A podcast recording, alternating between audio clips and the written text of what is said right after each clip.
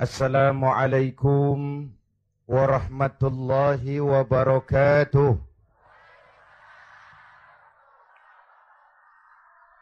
Alhamdulillah wassalatu wassalamu ala Rasulillah Sayyidina Muhammad ibn Abdullah wa ala alihi wa sahbihi wa mawalah amma ba'du. Para ulama yang saya muliakan, para pejabat baik sipil, TNI dan Polri, hadirin hadirat ma'asyiral muslimin yang berbahagia.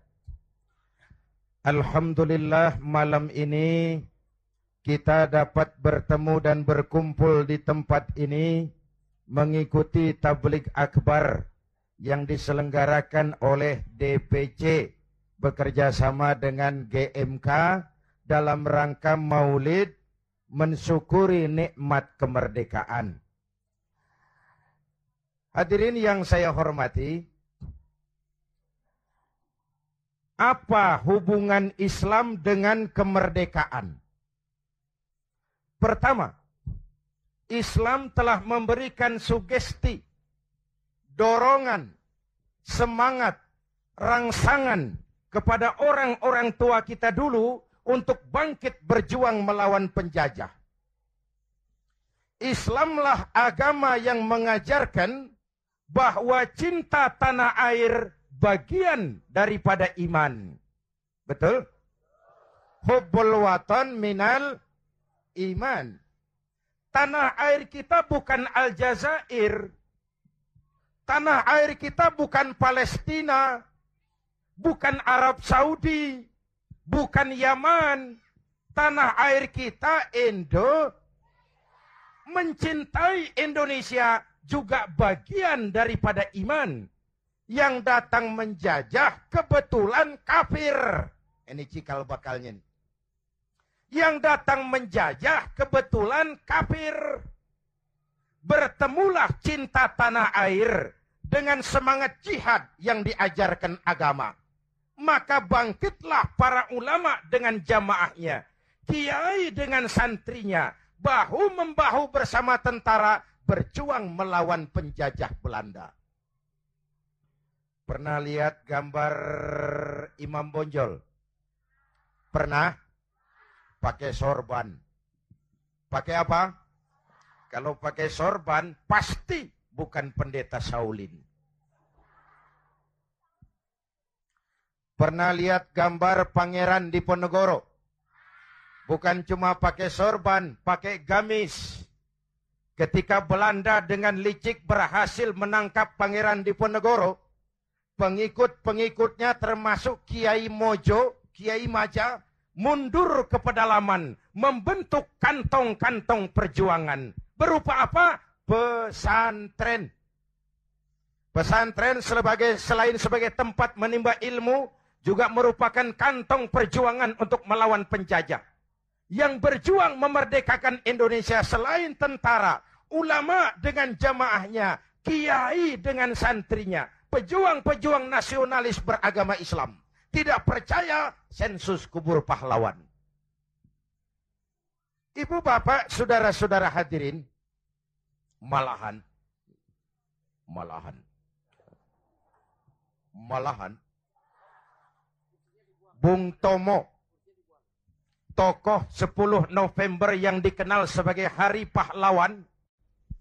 Dalam satu pidatonya di Jakarta, saya ingat almarhum Bung Tomo pernah bilang begini. Ini pidato Bung Tomo saya ulang. Andai kata tidak ada kalimat takbir, ini ucapan Bung Tomo.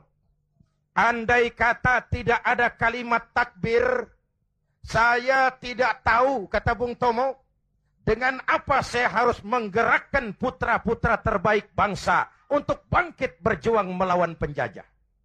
Begitu Allahu Akbar, semangat jihad menggelora. Belanda kecil, mati tiket ke surga. Coba pakai kalimat lain, nggak serem. Woi perang, perang, malah mundur orang. Tapi begitu Allahu Akbar, kalimat ini refleksi dari nilai keyakinan. Ibu bapak, saudara hadirin yang saya hormati. Ketika itu pilihan perjuangan cuma dua. Merdeka atau mati. Betul? Orang-orang tua kita berjuang nggak mikirin nanti saya jadi bupati di mana kalau merdeka. Nanti saya dapat kursi apa kalau merdeka. Tidak. Ikhlas membela tanah air sebagai bagian daripada nilai-nilai keimanan. Dulu iman untuk merebut kemerdekaan. Sekarang iman untuk mengisi kemerdekaan. Ya Bu? Ya Bu? Apa?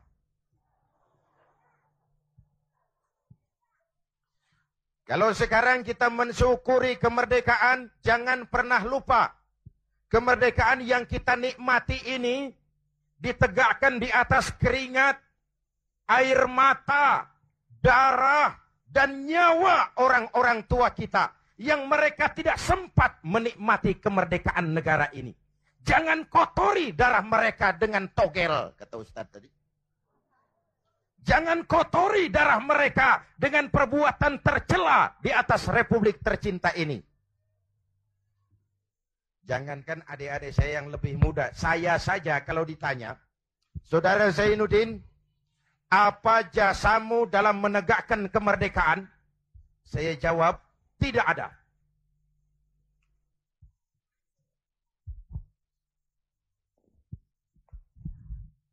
Ngomong apa saya barusan? Hah?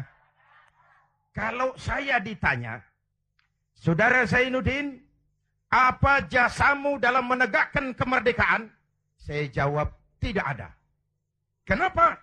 Karena tahun 45 saya belum keluar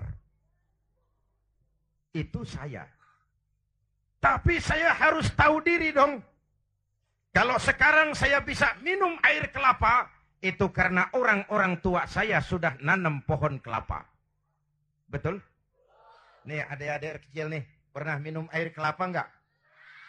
Pernah nanam pohon kelapa? Enggak pernah. Kalau sekarang kita menikmati indahnya merdeka, jangan pernah lupa Kemerdekaan ini bukan hadiah Belanda, bukan kado Jepang, tidak turun dari langit laksana turunnya embun di waktu malam. Kemerdekaan tidak muncul hanya dengan simsalabim abragadabra. Kemerdekaan ini keringat, air mata, darah, dan nyawa orang-orang tua kita. Ya Bu, ya Pak syukuri dengan tahlilan kepada arwah para pahlawan. Eh, eh, Agustusan ngibing sampai subuh. Tuh arwah para pahlawan gile, roh gua dijogetin.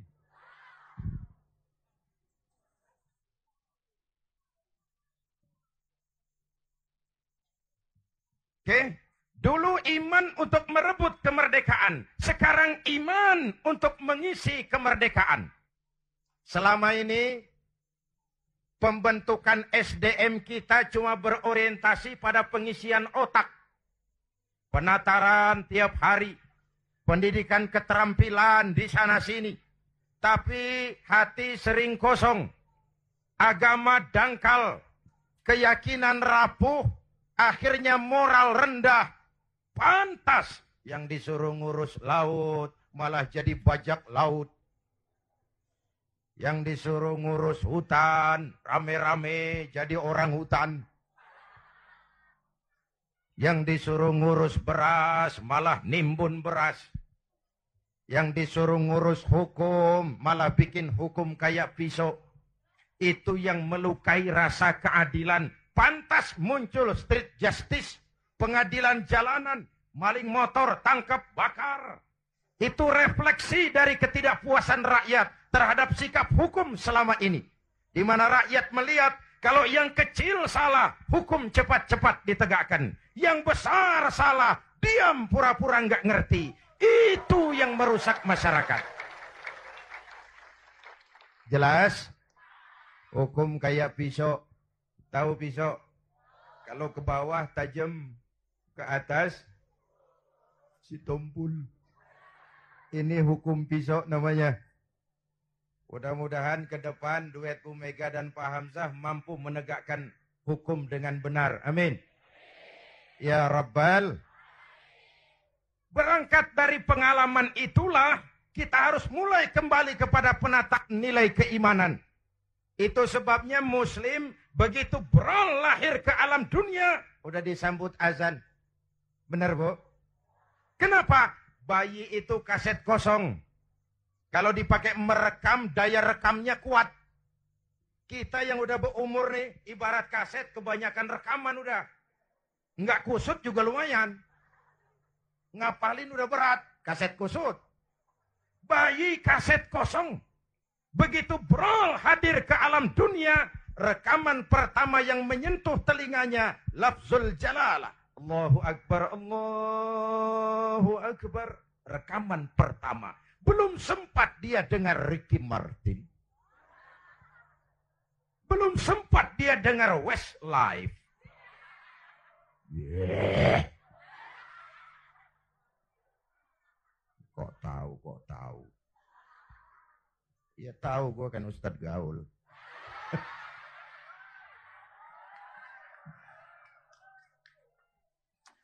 Suara pertama yang masuk telinganya Allahu Akbar. Suara iman.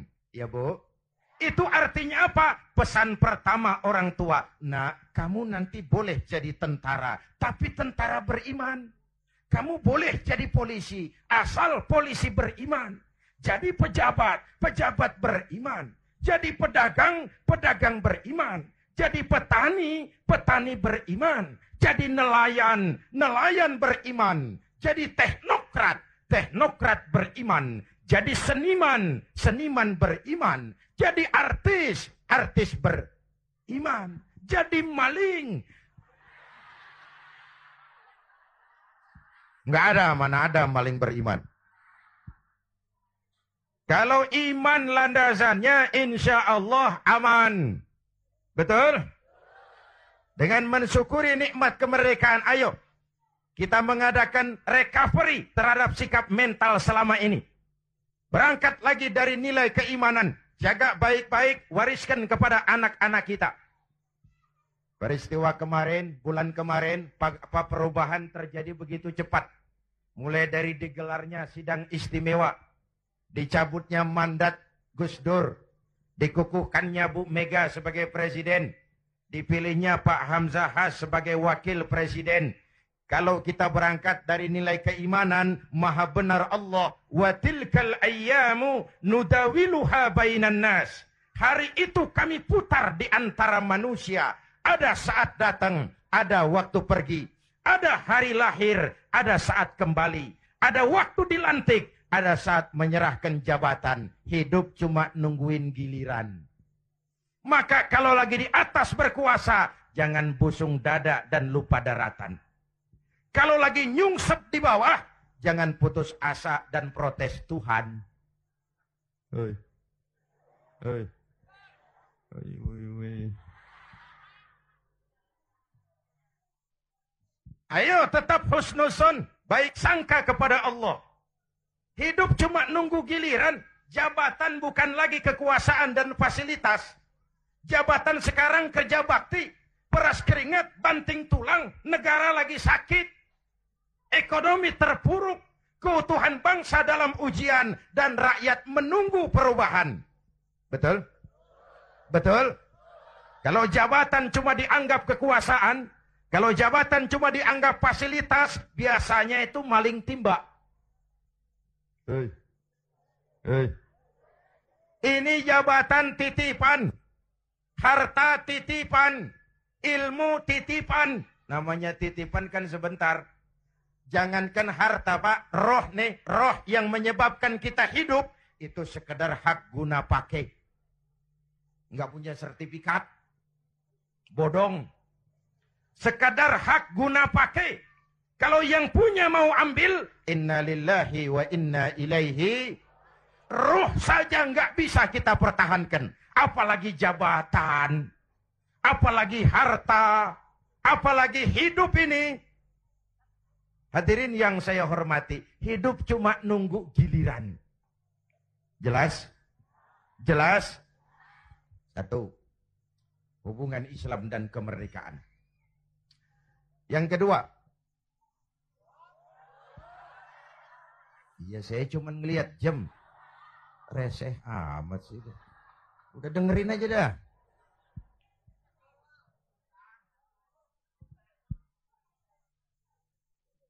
Terus, terus menghina itu. Ini ustadz bukan tukang parkir. Terus, terus.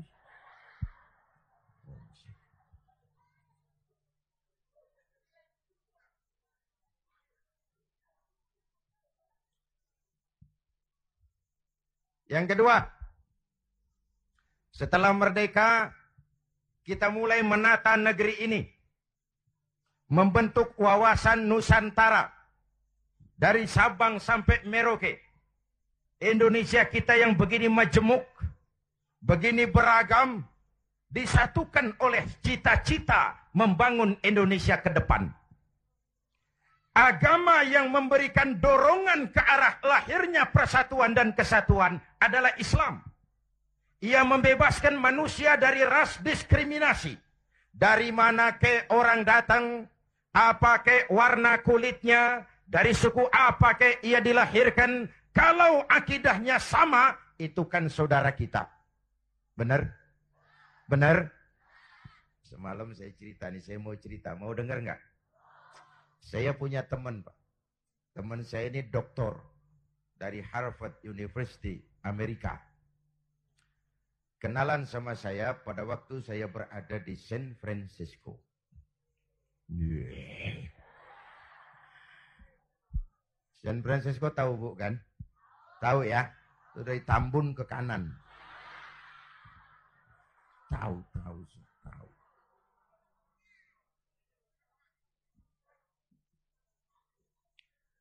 Satu hari teman saya si dokter ini bilang, orang Amerika, bule, Mr. Zainuddin, ya, saya kagum dengan negeri Anda Indonesia.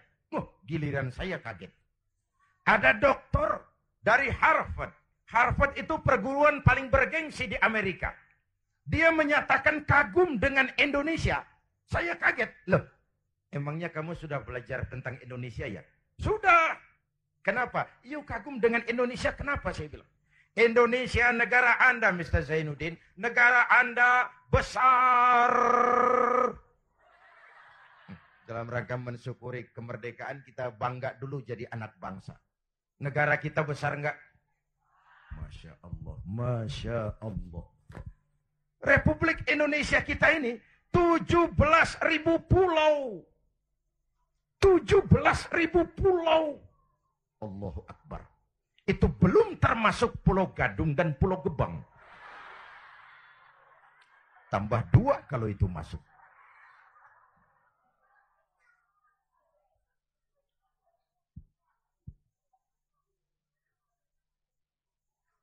Buminya mengandung minyak, gas, batu bara, barang tambang lain. Lautnya kaya, hutannya kaya, 17 ribu pulau terhampar sepanjang garis katulistiwa. Hijau, ranau, subur, makmur. Kemah, ripah, loh, jenawi, toto, tentrem, kertora, harjo.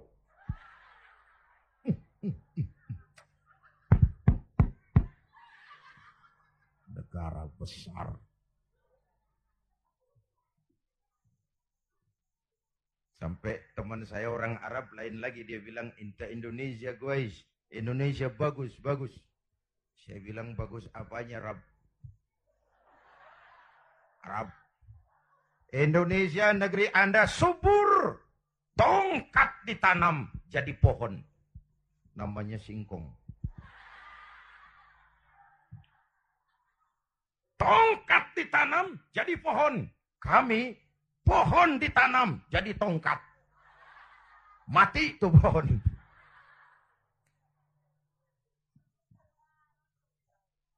Negara besar. Terus apa lagi yang kamu heran? Penduduk negeri Anda banyak. Kita rakyat Indonesia sekarang 210 juta. Itu SDM kita. Itu aset kita. 210 juta. Allahu Akbar. Konon menurut keluarga berencana nasional. Di Indonesia ini tiap satu menit lahir delapan bayi Cuma karena Indonesia luas, nggak terasa. Coba jejer, serem. Satu menit delapan, bro, bro, bro. Ini kan menyangkut sekolah yang harus kita siapkan, lapangan kerja yang harus kita sediakan, kesehatan yang harus kita pikirkan, pertumbuhan penduduk kan artinya itu. Pertumbuhan penduduk artinya lapangan kerja, sekolah, kesehatan. Ibu bapak hadirin yang saya hormati. Negara besar, penduduk banyak, agama macam-macam. Ini faktor ketiga. Di Indonesia paling banyak agama. Selain Islam, ada Kristen, ada Hindu, ada Buddha, ada Shinto, ada agama Majusi, pengikut Zoroaster, ada agama Kaharingan di Kalimantan. Jawa Tengah masih banyak aliran kebatinan, kejawen, golongan eling. Yang penting percaya kepada Tuhan yang Maha Esa. Berbudi luhur, berjiwa bersih, banyak-banyak bersamadi menyadari tentang hakikat sangkan paraning dumadi untuk mencapai manunggaling kaula Gusti.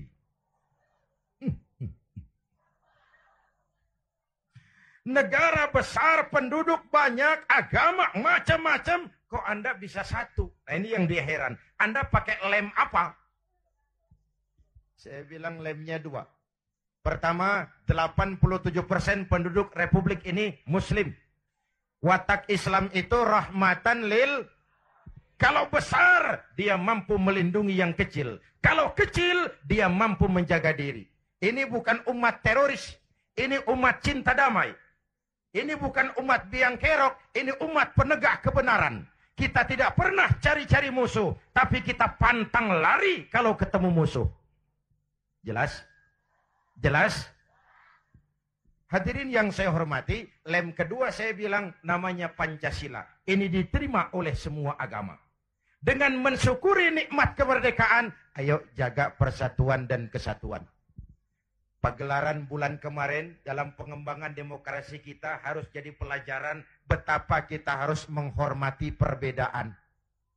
Jangan beda dianggap musuh. Kalau beda dianggap musuh, kapan kita mau dewasa? Kalau beda dianggap musuh, kapan kita mau berdemokrasi? Ayo rakyat kita dewasa. Jangan terjebak fanatisme sempit. Saudara senang Zainuddin, boleh. Fanatik sama Zainuddin, jangan. Kalau buat Pak Zainuddin, benar atau salah, saya bela dengan darah saya. Goblok. Yang benar belain, yang salah dandanin. Kalau salah dibenerin juga, kita menjerumuskan orang namanya. Ya Bu, ya Bu, ayo rakyat kita objektif. Biar keluar dari dubur ayam. Kalau memang telur, ambil. Biar keluar dari dubur kiai, kalau kuning, kabur. Jangan lihat kiainya, lihat yang merojol apaan. Akur? Akur? Ayo kita ambil pelajaran. Sekarang kalau para elit di atas masih suka pada bertengkar, kita rakyat nggak usah ikut-ikutan. Jadi penonton yang baik sajalah. Waktunya keplok, keplok. Namanya juga elit bang. Siang dia bertengkar, malam makan bareng di hotel. Kita di kampung udah pada ngasa golok. Urusan apa? Benar. Benar. Sebaliknya elit di atas juga kudu sadar dong. Seperti saya bilang, di mana-mana juga kalau kebo berantem sama kebo, yang rusak rumput. Kebo berantem sama kebo, yang rusak rumput. Pemimpin bertengkar sama pemimpin, yang bingung pengikut. Di mana-mana, sejak dulu, kalau kebo berantem sama kebo, yang rusak rumput. Maka kita menghimbau kepada para kebo, Ya ini ngikutin bahasa doang. Kita menghimbau kepada para kebo. Berhenti dah berantem supaya rumput tumbuh subur. Amin. Kita nih rakyat kecil udah capek. tiga tahun terpuruk di atas di atas namain dijadiin address padahal kita pan rakyat kecil tuntutan nggak banyak-banyak amat si amat aja yang banyak Rangsanan saya Pak kita nih rakyat kecil asal keadaan aman, bisa kerja, makan cukup, anak bisa sekolah, rapi urusan. Bener. Yang mau jadi presiden si amat, si badu, bodo amat kita mah. Ya Bu, yang penting Pak keadaan aman, bisa kerja, makan cukup, anak bisa sekolah. Rapi udah. Ada rezeki dikit, kawin lagi. Umpamanya ini umpamanya. Umpamanya. Umpamanya. Saya bukan ngasih tahu, ngajarin.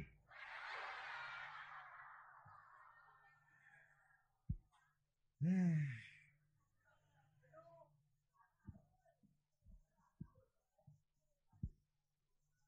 Ibu bapak, saudara-saudara hadirin.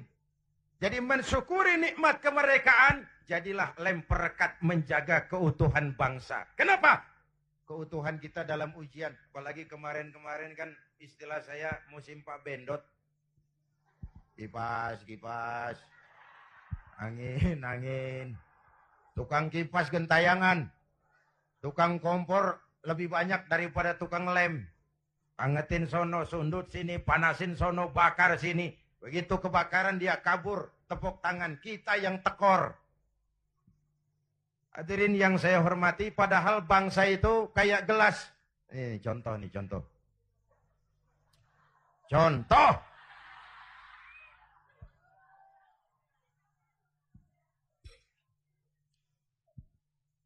Bukan mau minum, contoh.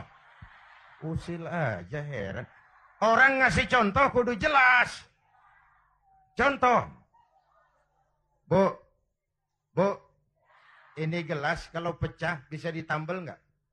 Nah, bangsa kayak gelas bang. Begitu pecah, nggak bakal bisa ditambal.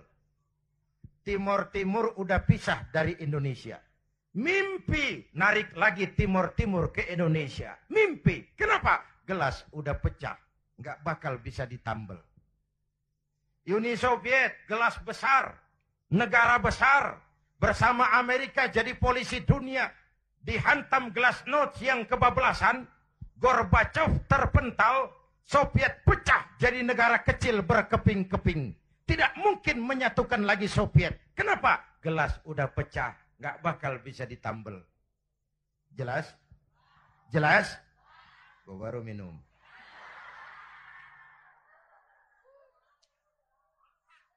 Ya bagaimana aja orang nyari akal lah. Usil banget gue heran. Iya kalau datang-datang minum kan gue malu amat. Mau minum aja pakai kelilingan dulu. Ayo, jangan biarkan Indonesia kita jadi gelas pecah. Jaga semangat kebersamaan. Beda boleh, marahan jangan. Bang, kaos lu hijau ya? Hijau gue. Teman kita kuning. Biarin kalau dia mau. Yang satu merah. Gak apa-apa. Yang lain biru. Boleh. Lu lewat sono. Gue lewat sini. Yang satu lewat situ. Ntar kita ketemu di sono. Bisa nggak begitu? Cakep nggak urusan? Iya, jangan beda kaos merengut. Urusan apa? Jadi anggota DPR kagak sama tetangga marah. Tekor ke mana-mana. Ayo rakyat kita dewasa, berpolitik dengan rasio, jangan dengan emosi. Kayak saya kan sekarang saya ketua Dewan Pimpinan Pusat Partai Persatuan Pembangunan. Itu pribadi saya. Nanti saya cerita kenapa saya gunakan hak politik saya. Tapi saya tidak akan memaksakan pendirian ini kepada hadirin. Itu resiko saya. Saya gunakan hak politik saya. Saya pulang kampung P3. Perkara saudara, terserah saya menghargai pendirian saudara. Mau ikut saya, Alhamdulillah. Mau pilih P3, silakan. Mau berjuang dengan yang gambarnya Ka'bah, boleh. Terserah aja itu sih. Namanya hak demokrasi nggak boleh dipaksa-paksa dong, ya nggak, ya nggak, ya nggak.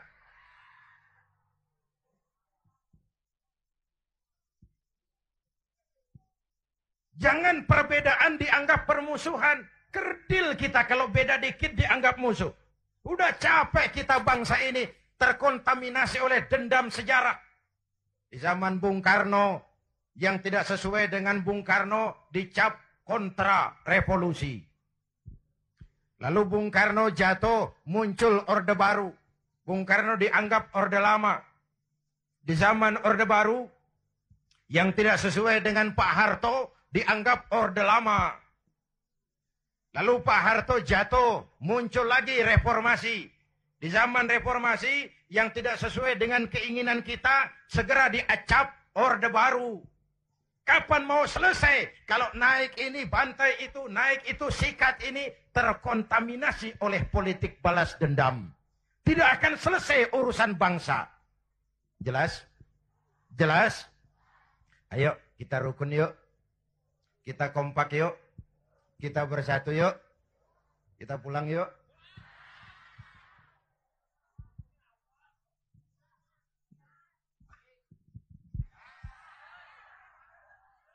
Sampai jam berapa nih? Jam 2. Jam 2. Lu ngundang apa ngontrak lu?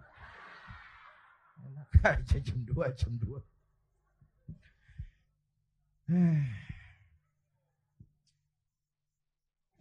Malam ini saya hadir di sini. Saya nggak merasa sebagai tamu. Saya hanya keluarga datang dan bicara di tengah keluarganya. Bahwa saya lahir di Kebayoran, itu sih kebetulan. Saya nggak mesen. Terima jadi mau bilang apa? Belum lama di Sumatera Utara, di Medan, satu tablik akbar saya bicara di tengah keluarga besar suku Mandailing, Batak. Saya diulos, dikasih pakaian kebesaran, diangkat jadi warga Mandailing. Saya dikasih gelar Lubis. Zainuddin MZ Lubis. Saya maulid lagi ke Makassar bersama nelayan-nelayan Bugis. Mereka bikin acara gebiar maulid tradisional Bahari 2000. Kumpul tokoh-tokoh Bugis. Saya dipakein pakaian kebesaran, pakai badik. Saya diangkat lagi jadi warga Bugis. Oleh wali kota Makassar, saya dikasih gelar Daeng Tojeng. Tojeng artinya yang benar. Daeng semacam Raden. Kalau dikumpulin nama saya udah lumayan panjang. Haji Daeng Tojeng Zainuddin MZ Lubis. Saya cuma mau bilang inilah Indonesia kita. Begini majemuk, begini beragam. Walaupun bineka, kita tetap tunggal Nah, bagi kita umat Islam sudah dididik di masjid. Masya Allah, di daerah kita masjid saya bangga. Selalu penuh dengan sholat berjamaah. Terutama subuh.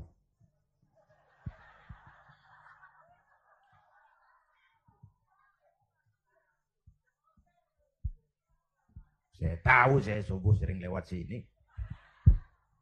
Kalau udah subuh penuh sampai keluar Nggak ada yang masuk.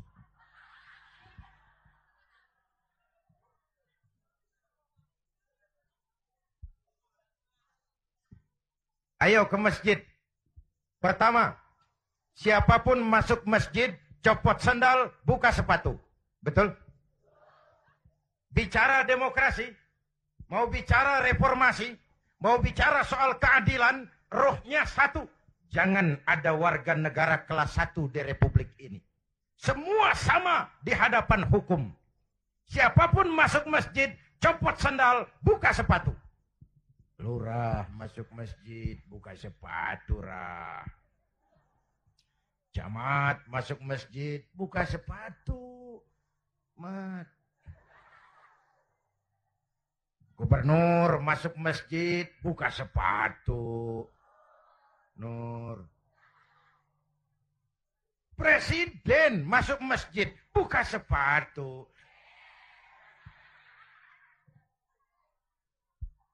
Jangan ada warga negara kelas satu di republik ini. Ini cikal bakal demokrasi, reformasi, dan keadilan. Negara rusak kalau sudah banyak warga negara kelas satu.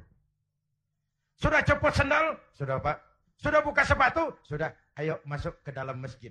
Kalau sudah masuk ke dalam, ibu bapak lihat. Yang datang dari sebelah kidul, madep ngulon, bang. Yang datang dari sebelah timur, madep ngulon, bang. Yang datang dari utara, madep ngulon, bang. Yang datang dari sebelah kulon, madep ngulon. Masya Allah, jiwa masjid. Bukan soal dari mana orang datang, tapi satu arah menghadapmu. Kau boleh Sunda, kau boleh Jawa, kau boleh Batak, kau boleh Ambon, kau boleh Bugis, kau boleh Aceh, kau boleh Padang, kau boleh Melayu, kau boleh Dayak, kau boleh Madura, kau boleh Betawi, tapi kita satu nusa, satu bangsa, satu. Yuk kita rukun yuk. Kita kompak yuk. Lidih juga bang, lidih tahu lidih kak biar gede banget kalau sendirian laler kagak mati. Bener. Tapi biar lidih kecil-kecil kalau digabung sama lidih yang lain diikat jadi satu, sapuh namanya, jangan laler, anjing juga gempor. Benar. Kita begitu juga walaupun hitang hutang kita bertumpuk, kita tetap optimis, sumber daya alam kita kaya, asal kita kompak, rukun, bersatu. Jelas? Jelas? Sudah, madep ngulon semua bang? Sudah, ayo selenggarakan sholat berjamaah. Apa itu? Hidup berbangsa dan bernegara. Caranya bagaimana? Ya harus ada imam, harus ada makmum. Betul. Ada pemimpin, ada rakyat. Makmum siapa? Makmum mah siapa aja bang. Ngaji deh sama kiai mana juga nggak ada pemilihan makmum. Namanya makmum tiba ngikutin siapa juga boleh. Bener. Bang, orang budek tuh. Budek. Budek. Boleh jadi makmum. Tibang makmum ngikutin doang, dia budek, dia kagak denger juga dia lihat. Bacaannya nggak fasih. Boleh jadi makmum. Ketinggalan satu rekaat. Boleh jadi makmum. Tapi enggak tiap orang boleh jadi imam. Kenapa? Imam mau mimpin orang banyak. Kalau imam goblok, umbego, hancur sembahyang. Benar? Benar? Makanya lain kali milih imam hati-hati. Hei, yang punya masjid pada nih, kalau milih imam hati-hati. Hei, Saya pesan yang pada punya masjid, kalau milih imam hati-hati. Dulu pernah kejadian. Ini karikatur. Mau dengar nggak saya cerita? Dulu, dulu. Tahun satu. Di kampung saya ada tiga orang goblok. Goblok tahu goblok, Bu? Bego. Bego tahu bego? Minum es ditiup. Dia kira ngebul panas kali. Ini tiga orang goblok sholat di musola.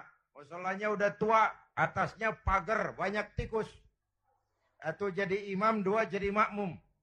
Waktu tahiyat, at-tahiyatul mubarakatus salawatut tayyibatu lillah. Baru sampai atta, tikus jatuh. Pas di depan imam. Gede, botak. Profesor tikus. Imam lantaran kaget mau at-tahiyatul atta tikus jatuh. Rusak nggak sholatnya? Batal nggak? Kalimat ini mutatabi'aini. Dua kalimat berturut-turut batal sholat. Temennya yang jadi makmum maksudnya mau negor, Pak. Bagus maksudnya mau negor. Tapi karena goblok, nggak ngerti konstitusi, nggak ngerti mekanisme, bagaimana cara negor imam, nyolek. Eh, lagi sembahyang nggak boleh ngomong. Sudah berapa yang batal? Dua. Yang satu kan mestinya selamat. Nyaut. Untung gue diem aja. Yang ngobrol bertiga.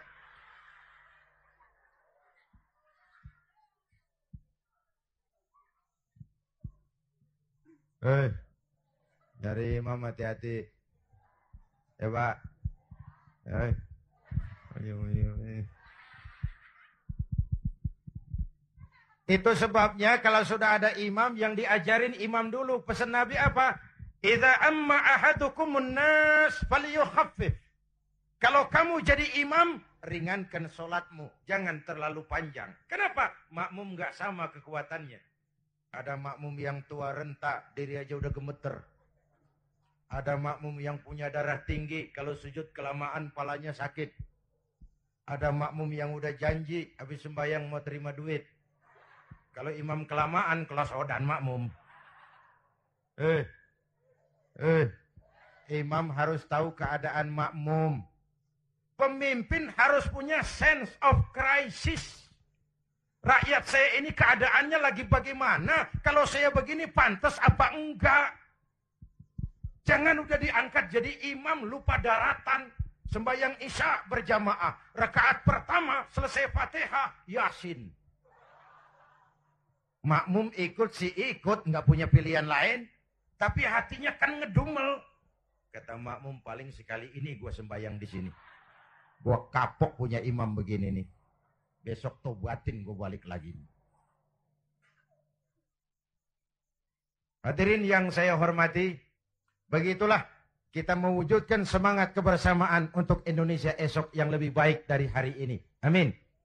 Ya Rabbal, mensyukuri nikmat kemerdekaan dengan semangat menjaga nilai-nilai kebersamaan, persatuan, kesatuan, kerukunan, dan kekompakan. Lalu yang ketiga, hubungan Islam dan kemerdekaan. Setelah merdeka, membentuk wawasan Nusantara, kita mulai membangun. Bung Karno menyebutnya pembangunan semesta berencana. Pak Harto menyebutnya pembangunan manusia seutuhnya. Apa pun namanya, tapi ini refleksi dari keyakinan. Walaupun Indonesia bukan negara agama, tapi pasti Indonesia negaranya orang beragama. Maka orientasi pembangunan tidak cuma dunia, tapi juga akhirat. Betul? Ini semua nih. Calon-calon jenazah.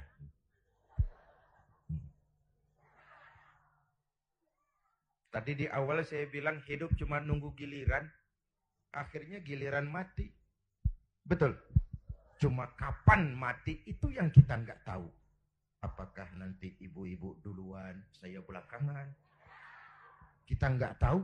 Itu rahasia Allah. Mungkin juga malah saya yang belakangan. Ibu-ibu duluan. Kita nggak tahu. Itu rahasia Allah. Betul? Betul? Karena itu dengan mensyukuri nikmat kemerdekaan, mari kita isi kemerdekaan ini membangun dunia tapi untuk kepentingan akhirat. Ya, Bu? Ya, Pak. Ayo kita kompromi kepada Allah dengan memasyarakatkan istighfar, mengistighfarkan masyarakat. Kita memang rakyat kecil, tapi jeritan batin rakyat kecil, nurani rakyat kecil mampu menggoyang aras. Hadirin yang saya hormati, hanya dengan wujud keseimbangan seperti itu. Ada hidup sesudah mati, ada akhirat sesudah dunia. Kita bisa berharap mencapai di dunia hasanah. Wa fil akhirati hasanah. Ibu bapak hadirin, ini sekelumit tentang mensyukuri nikmat kemerdekaan. Nah sekarang saya mau bicara soal partai. Karena yang adakan ini DPC P3. Banyak pertanyaan mengapa makhluk bernama Zainuddin MZ yang dulu katanya tidak ke mana-mana tapi ada di mana-mana. Kok memutuskan turun lagi ke panggung politik? Tentu ada asbabun nuzul. Ini saya mau cerita asbabun nuzul. Saya mulai berkenalan dengan politik lebih dulu daripada menjadi mubalik tahun 71 saya sudah ikut politik praktis. Waktu itu saya jadi juru kampanye Partai Nahdlatul Ulama. Pemilu pertama di zaman Pak Harto yang diikuti oleh 11 partai. Ini historisnya nih. Tahun 74 terjadi fusi. Empat partai Islam, NU, Parmusi, PSII, Perti. Melebur jadi satu. Terjadi fusi. Lahirlah Partai Persatuan Pembangunan. Asasnya Islam, lambangnya Ka'bah. Hasil istikharah Hadratus Syekh Kiai Haji Bisri Samsuri. Rois Suriah Nahdlatul Ulama waktu itu yang adalah kakeknya Kiai Haji Abdurrahman Wahid. Maka pemilu tahun 77 dan 82 selain duduk di MPC saya tetap kampanye buat Partai Persatuan. Duet sama Haji Roma Irama waktu itu di zaman galak-galaknya Golkar. Tahun 7782 Bu, kalau berangkat kampanye itu pamitnya pamit mati. Itu zaman-zaman Amir Mahmud, Amir Murtono, dan Amir-Amir lain itu. Nyawa taruhannya Padahal calon anggota DPR bukan. Apalagi calon menteri. Digaji kagak. Itu yang namanya panggilan jiwa. Karena partai ini asasnya Islam. Tujuannya amar ma'ruf nahi munkar. Untuk kemaslahatan bangsa dan negara. Kenapa? Negara ini kan kayak kapal, Pak. Kapal laut. Orang naik kapal laut kelasnya nggak sama. Ada yang di deck kelas 1, kelas 2, ada yang kamarnya di bawah. Kalau yang dapat kamar di bawah perlu air, dia kudu ke atas. Lewat tangga, jalan jauh, capek, keringetan. Eh, potong kompas. Ngapain gua ke atas jauh-jauh? Air deket banget, cuman dibatasin dinding kapal. Gua bor aja nih kapal nih. Ntar air masuk. Kamar-kamar gue, gue udah bayar pakai duit gue. Yang ngebor juga gue. Orang lain jangan ikut campur. Kalau didiemin kapal di bor, bocor nggak? Mula-mula sedikit, makin lama makin banyak, makin banyak makin sulit dikendalikan. Akhirnya kapal miring, miring, miring, tenggelam. Kalau kapal tenggelam, yang mati yang ngebor doang. Hah? Seluruh penumpang kapal ikut tenggelam karena satu ngebor. Negara kayak kapal, korupsi, KKN, maksiat, munkarot, kebatilan, kezoliman, ketidakadilan, itu ngebor ngebor kapal, bocorin kapal. Di masyarakat juga begitu. Kadang-kadang temen ditegur ngotot. Biarin aja. Yang mabok gue. Yang beli minuman gue. Gue mabok di rumah gue. Kenapa lu pusing? Yang judi gue. Pakai duit gue. Kenapa lu pusing? Yang zina gue. Kenapa lu ribut? Iya. Yang judi lo. Yang mabok lo. Yang zina lo. Tapi judi, mabok, zina, maksiat mas. Kalau ini negeri kebanyakan maksiatnya, Allah marah, turun gempa bumi. Yang mampus bukan elu doang, monyong.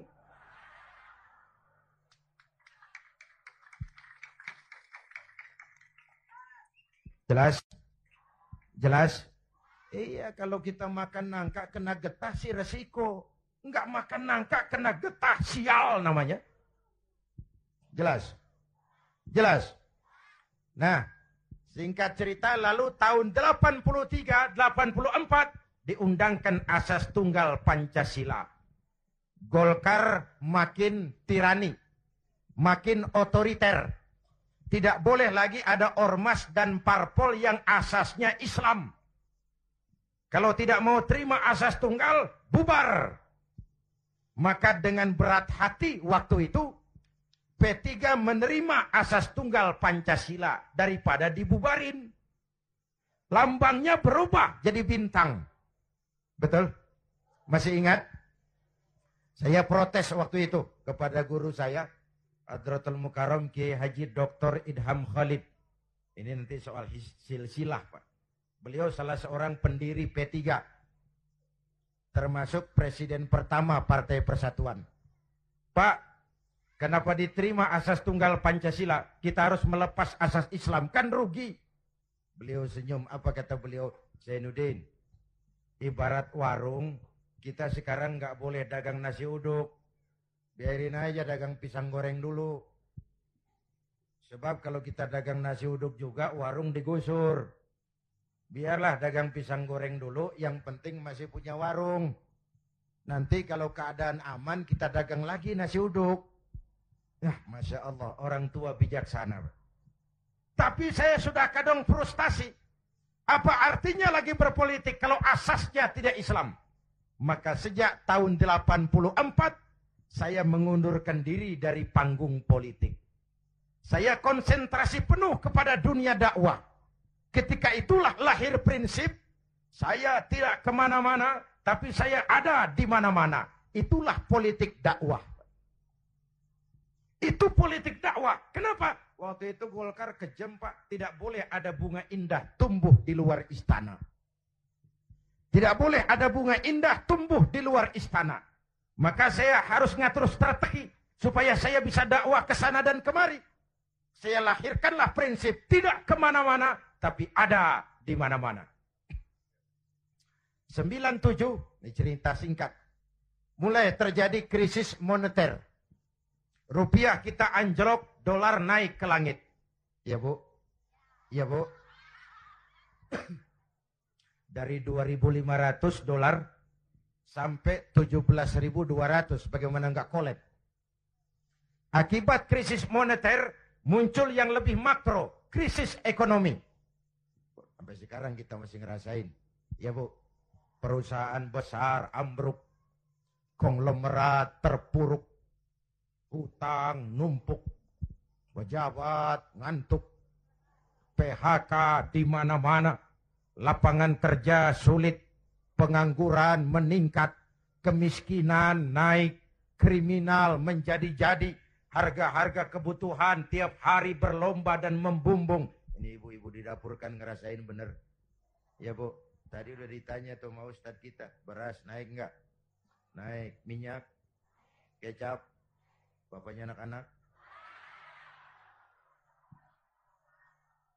Pikir dulu baru nyaut. Naik, naik.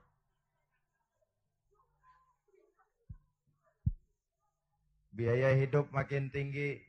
Beban hidup makin berat. Masya Allah di Jakarta bang sekarang kencing aja gope. Bener. Kencing gope. Teman saya ngasih duit ribuan gak ada kembaliannya disuruh kencing lagi. Orang udah tiris bagaimana ngeluarinnya? La haula wa la quwata illa billah.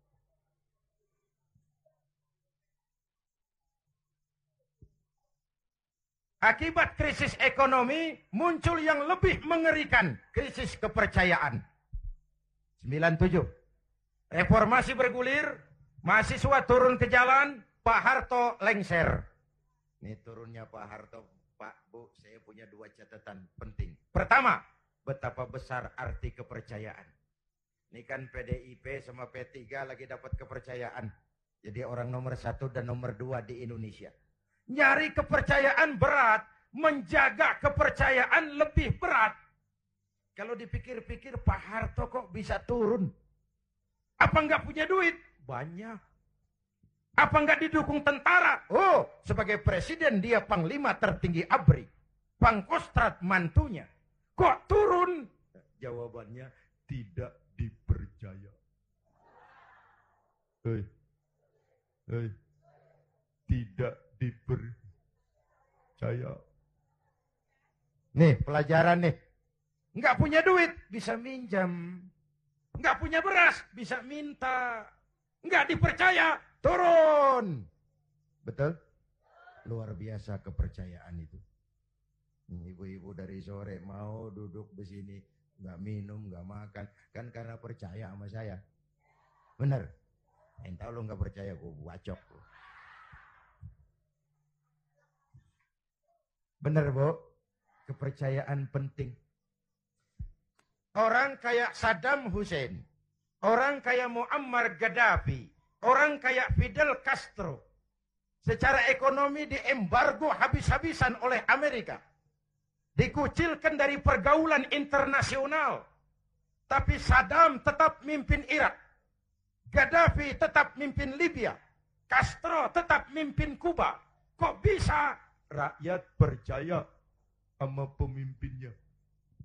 Hei, hei, rakyat percaya. Rakyat percaya. Ya Bu? Ya Pak? Kalau nggak nggak dipercaya udah berapa dah? Ini. Itu catatan pertama. Catatan kedua, dengan segala kelebihan dan kekurangannya, Pak Harto masih menjaga keutuhan bangsa. Ya udah, kalau nggak dipercaya saya turun. Nggak usah sidang istimewa, ongkosnya mahal. Pak Harto juga nggak nakut-nakutin rakyat. Ntar kalau saya turun Jawa Tengah merdeka. Enggak. Enggak. Pak Harto juga nggak ngumpulin pendukung. Kalau mau masih banyak pendukungnya. Tapi keutuhan bangsa lebih penting daripada kepentingan pribadi. Itu sosok negarawan. Jelas? Turun Pak Harto, naik Pak Habibie. Habibie ini menurut saya the right man in the wrong time. Pemimpin yang baik tapi muncul pada waktu yang salah. Kenapa? Pak Habibie berhasil menekan dolar dari 17 ribu ke 6 ribu. Itu prestasi ekonomi. Orangnya demokrat. Kalau dihujat senyum. Dia masuk gedung DPR. Hu, hu, hu. Dia senyum. Waktu laporan pertanggungan jawabnya ditolak oleh DPR dengan suara beda cuman puluhan. Apa komentarnya? Sambil senyum dia bilang, it's over. Kalau laporan saya ditolak, selesailah saya sampai di sini. Dia tidak maju lagi sebagai calon presiden. Padahal masih punya hak mencalonkan diri. Kenapa? Itu namanya tahu diri. Kalau orang udah kagak demen, udah. Hei, muka badak.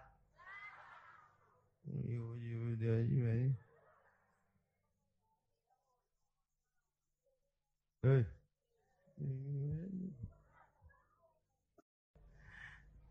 Ibu bapak hadirin, nah setelah reformasi bergulir, muncul begitu banyak partai. Betul? Partai yang Islam saja tidak kurang 20 partai. Saya bingung lagi. Tadinya saya pengen ada partai yang berasaskan Islam. Begitu muncul, begitu banyak. 20 lebih partai Islam. Termasuk yang tidak punya anggota. Papan nama. Makanya saya tetap tiarap. Lalu tahun 99 diadakanlah pemilihan umum diikuti 49 partai.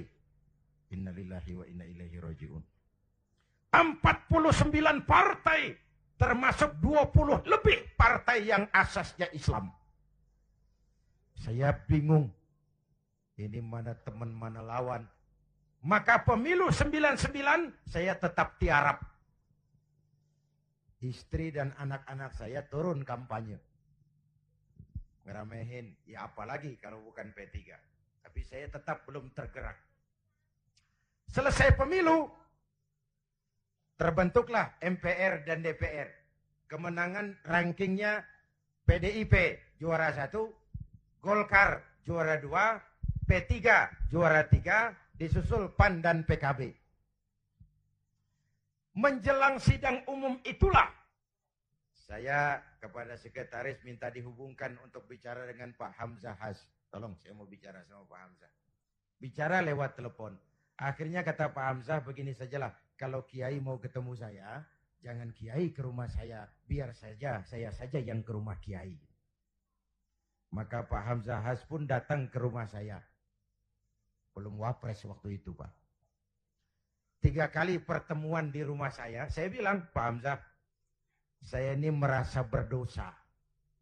Kenapa partai Islam kok cuma juara ketiga? Kenapa partai Islam tidak diminati oleh orang Islam sendiri? Analisisnya macam-macam. Mungkin ada yang tidak mengerti kalau agama dan politik tidak terpisah. Mungkin ada yang berpaham sekuler, Islam yes, partai Islam no. Mungkin juga karena kita tidak bisa menjual program-program kepada rakyat yang menyentuh kehidupan rakyat saya memutuskan saya mau pulang kampung, Pak. Duh, Pak Hamzah. Alhamdulillah saya bersyukur inilah permohonan saya kepada Allah selama ini. Tapi saya bilang tolong jangan diumumkan Pak. Ini mau sidang istimewa, sidang umum. Nanti dikira saya mau cari popularitas.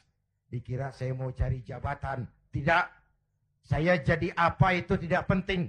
Yang penting saya bisa ikut membesarkan partai yang berasaskan Islam. Itu saja niat saya.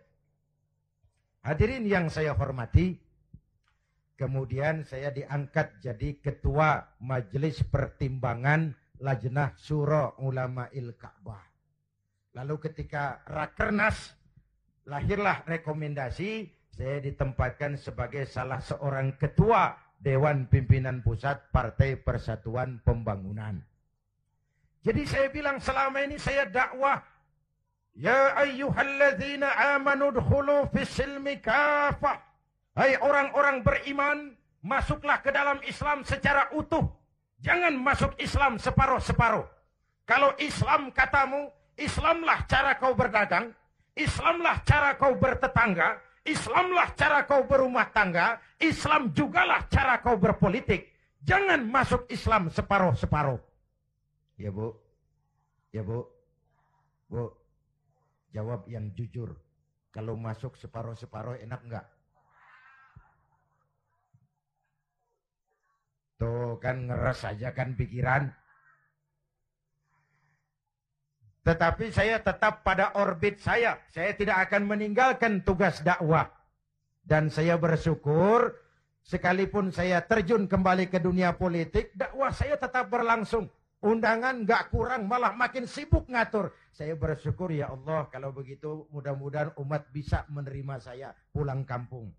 Dan kalau sekarang P3 pada kabinet ini mampu meraih wakil presiden, kenapa tidak pemilu tahun 2004 kita raih kursi presiden.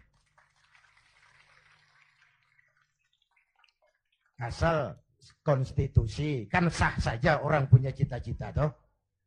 Nah sekarang partai gurem yang kagak dapat suara aja pada minta kursi menteri. Ini tukang kursi lagi laris nih. Partai gurem yang kagak dapat pemilih. Pakai minta kursi juga. Emang urusan apa? Kursi laku banget. Dianggap kapling pembagian rezeki. Innalillahi. Ini kerja bakti. Peras keringat, cuci piring. Negara lagi bangkrut. Indonesia lagi sakit. Ibu Pertiwi meratap berlinang air mata. Kalau cuma pada mau cari rezeki, maling tembak lagi tuh. Negara makin terpuruk. Ibu bapak hadirin yang saya hormati, karena itu kita doakan. Bu Mega dan Pak Hamzah mampu melaksanakan amanat rakyat. Amin. Ya Rabbal Alamin. Dan kita semua rakyat tetap menjaga kebersamaan, persatuan, kerukunan, dan kekompakan Perbedaan jangan dianggap permusuhan. Justru ciri demokrasi kemampuan memanage konflik bukan menghilangkan konflik, tapi memanage konflik menjadi kekuatan untuk membangun ke depan. Hadirin, inilah sekelumit yang dapat saya sampaikan malam ini. Mudah-mudahan baik mensyukuri kemerdekaan maupun kehadiran saya di partai menjadi jelas adanya. Bukan karena target pribadi, tapi karena inginan memberikan kontribusi yang lebih real kepada umat, bangsa, dan negara tercinta ini. Terima kasih atas segala perhatian. Mohon maaf atas segala kekurangan. Jumpa lagi di lain kesempatan. Usikum wa nafsi bitaqwallah. Wassalamualaikum warahmatullahi wabarakatuh.